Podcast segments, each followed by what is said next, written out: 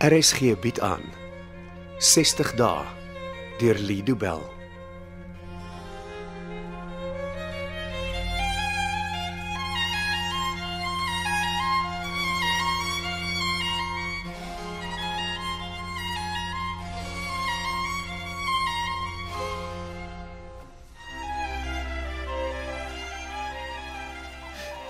Onthou jy het ons laas hier gesels het?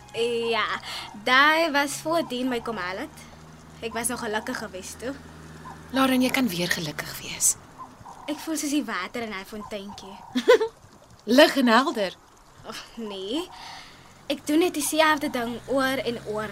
Dis die 5de keer wat ek in die plek is en elke keer as ek wegkom, gebruik ek net weer dwelms. Wel ten minste kom jy terug. Ten minste probeer jy. En wat help dit? En moet my nie met een van die program se klisjées antwoord gee asseblief. Begin teken. Wat? Jy het 'n hele graad in die kunste. Gebruik dit. Nee, ek ek weet nie of ek mee kan teken nie. Dis nie iets wat 'n mens vergeet nie. Maar hoe weet jy dit? Jy vergeet ek is 'n neurochirurg. Dink jy regtig ek sal nog kan teken? Dis jare laas wat ek getrei het. So talent verlaat 'n mens nie. Dit, dit werk wel soos 'n spier. Hoe meer jy dit gebruik, hoe beter word dit. Sê jy ek moet kuns gym toe gaan? So iets ja. Tel jou Okay. pen, potlood of kwas of wat jy nou ook al gebruik op en gebruik dit. ja, weet jy, soos ons nou praat, raak ek sommer weer lus om weer kuns te maak. Al mens wat jou keer om dit te doen is jouself. Ek sal vir dokter Loos vra wat sy dink. Ek kan jou amper waarborg, sy sal met my saamstem. Um Daar's iets anders wat ek vir jou wil sê. Sê maar. Wel is is eintlik 'n vraag. Nou vra dan maar. Wel, een van die dae is jy nie meer hier nie. Ek is nie so seker daarvan nie. Dit hang af van wat Magda besluit. Ja, ek weet, maar as sy besluit jy kan huis toe gaan, wat word dan van my? Hoe bedoel jy? Gaan jy vir my vergeet? Lauren. Sonder jou sou ek dit nie deur die eerste week gemaak het nie. Dis jy wat my toe gehelp het.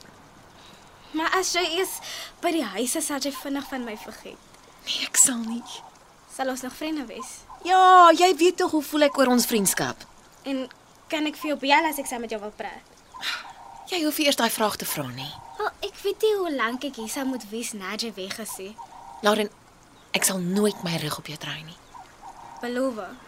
Ek beloof. Dankie, Susan. Al moet ons 'n moeilike pad stap, sal ek jou nooit toelaat om dit alleen te doen nie. Ek en jy doen dit saam.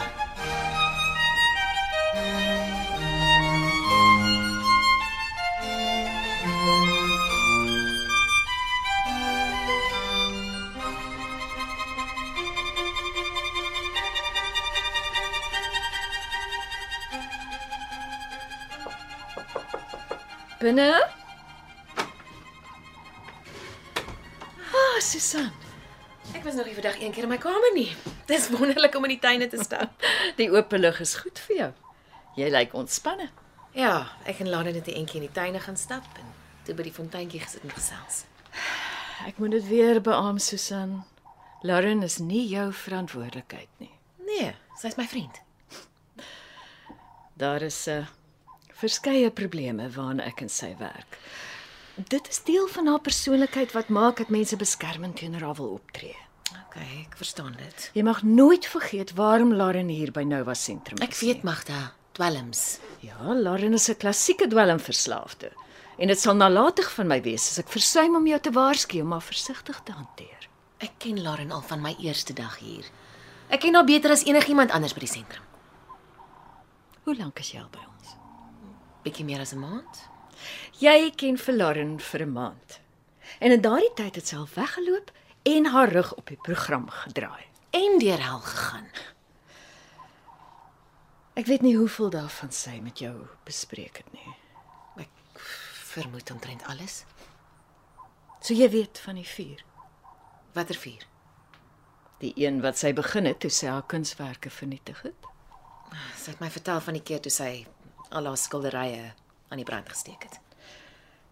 Weet jy waarom sy dit wou doen? Niemand wou iets koop nie, sy het nutteloos gevoel. En hulpeloos. Dit was haar kunswerke, sy het seker die reg om dit te verbrand as sy wil. Haar kuns was slegs die begin van die vuur. Wat het nog verbrand? Alles. Haar ouers se huis het tot as verbrand. Haar oupa is net betyds uit die huis gered. Lauren het dit nie as prins gedoen nie, het sy? Ek glo sy wou van haar skilderye ontslaa raak en die brand het vinnig buite beheer geraak. Arme Lauren. Kort na daardie insident het haar ouers haar die eerste keer na ons gebring.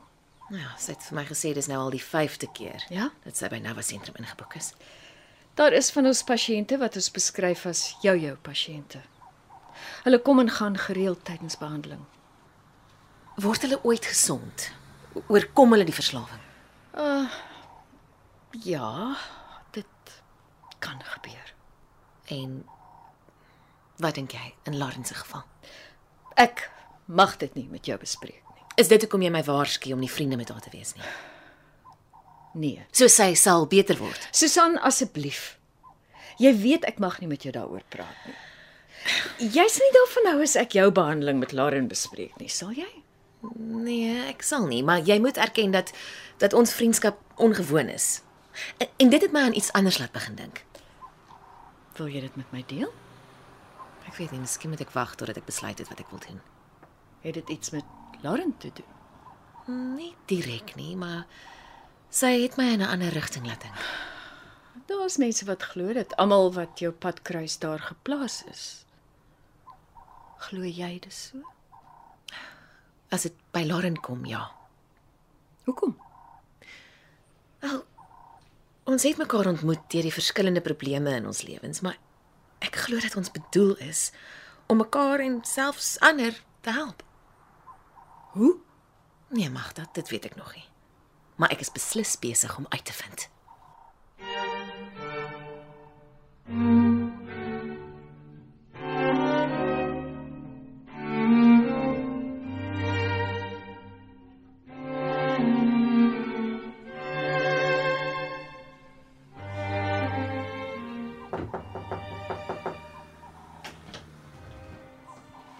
Hi. Ek het die nota gekry wat jy op my kussing gelos het. Wel wil jy praat?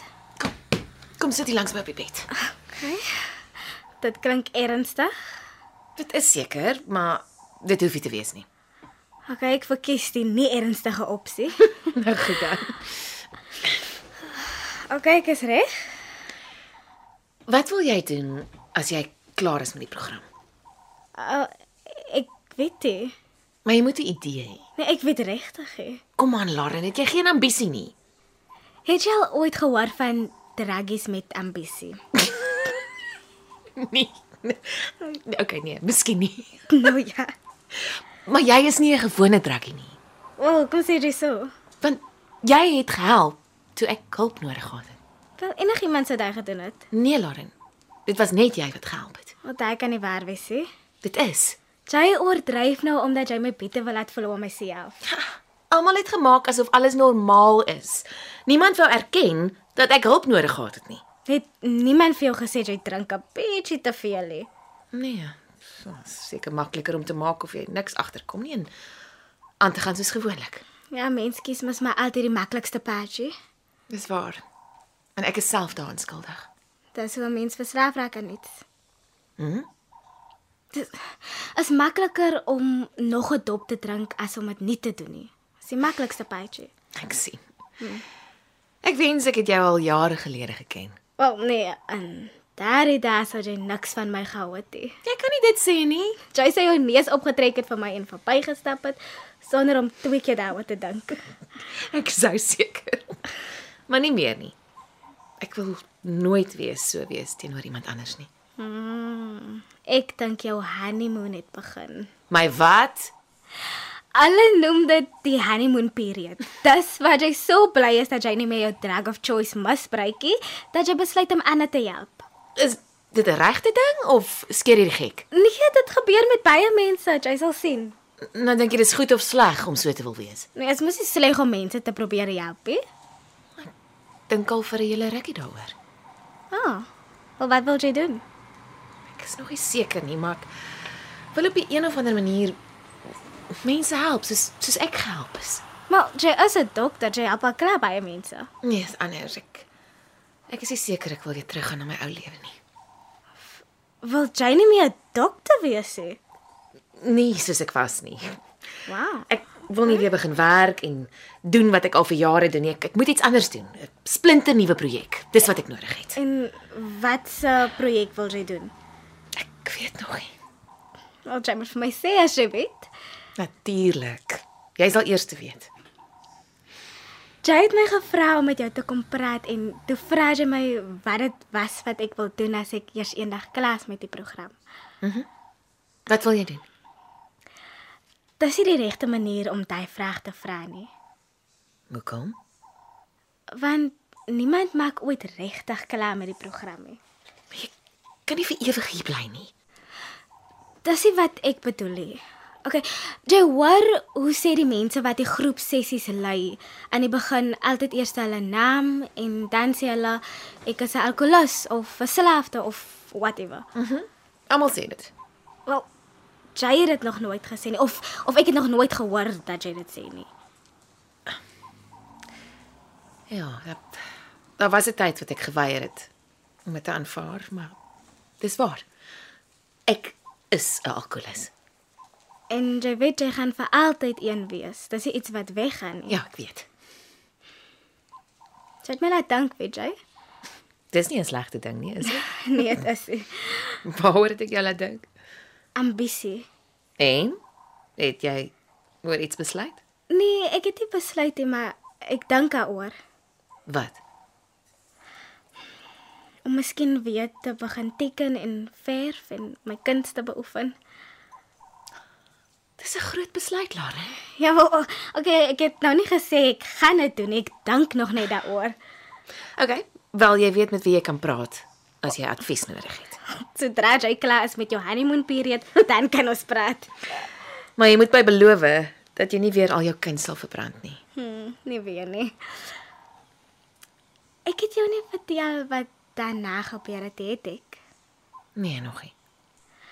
My ouers se hele huis het afgebrand tot op die fondasie. Jy moes groot geskrik het, Lara. Wel, ek het so groot geskrik dat ek vergeet het my oupa is in sy kamer. En het jy hom gaan haal? Ek, ek kon nie. Eh, Ek het nie geweet wat om te doen nie. Alles was aan die brand. Wat het toe van jou oupa geword? Ons buurman het ingehardloop en hom gaan haal. Ek weet nie wat ek sou gedoen het as hy dit nie oorleef het nie. En jou ouers, wat het hulle gedoen? Wel, hulle het toe besef dat ek hulp nodig het en dat hulle vir my hiernatoe bring. Ek is bly jy is hier, Lauren. En ek is bly ek is hier saam met jou. Dis 'n nuwe begin vir ons. Dit was 60 dae deur Lido Bell. Cassie Lauers beheer die tegniese versorging en dit word in Kaapstad opgevoer onder regie van Anri Gerbst.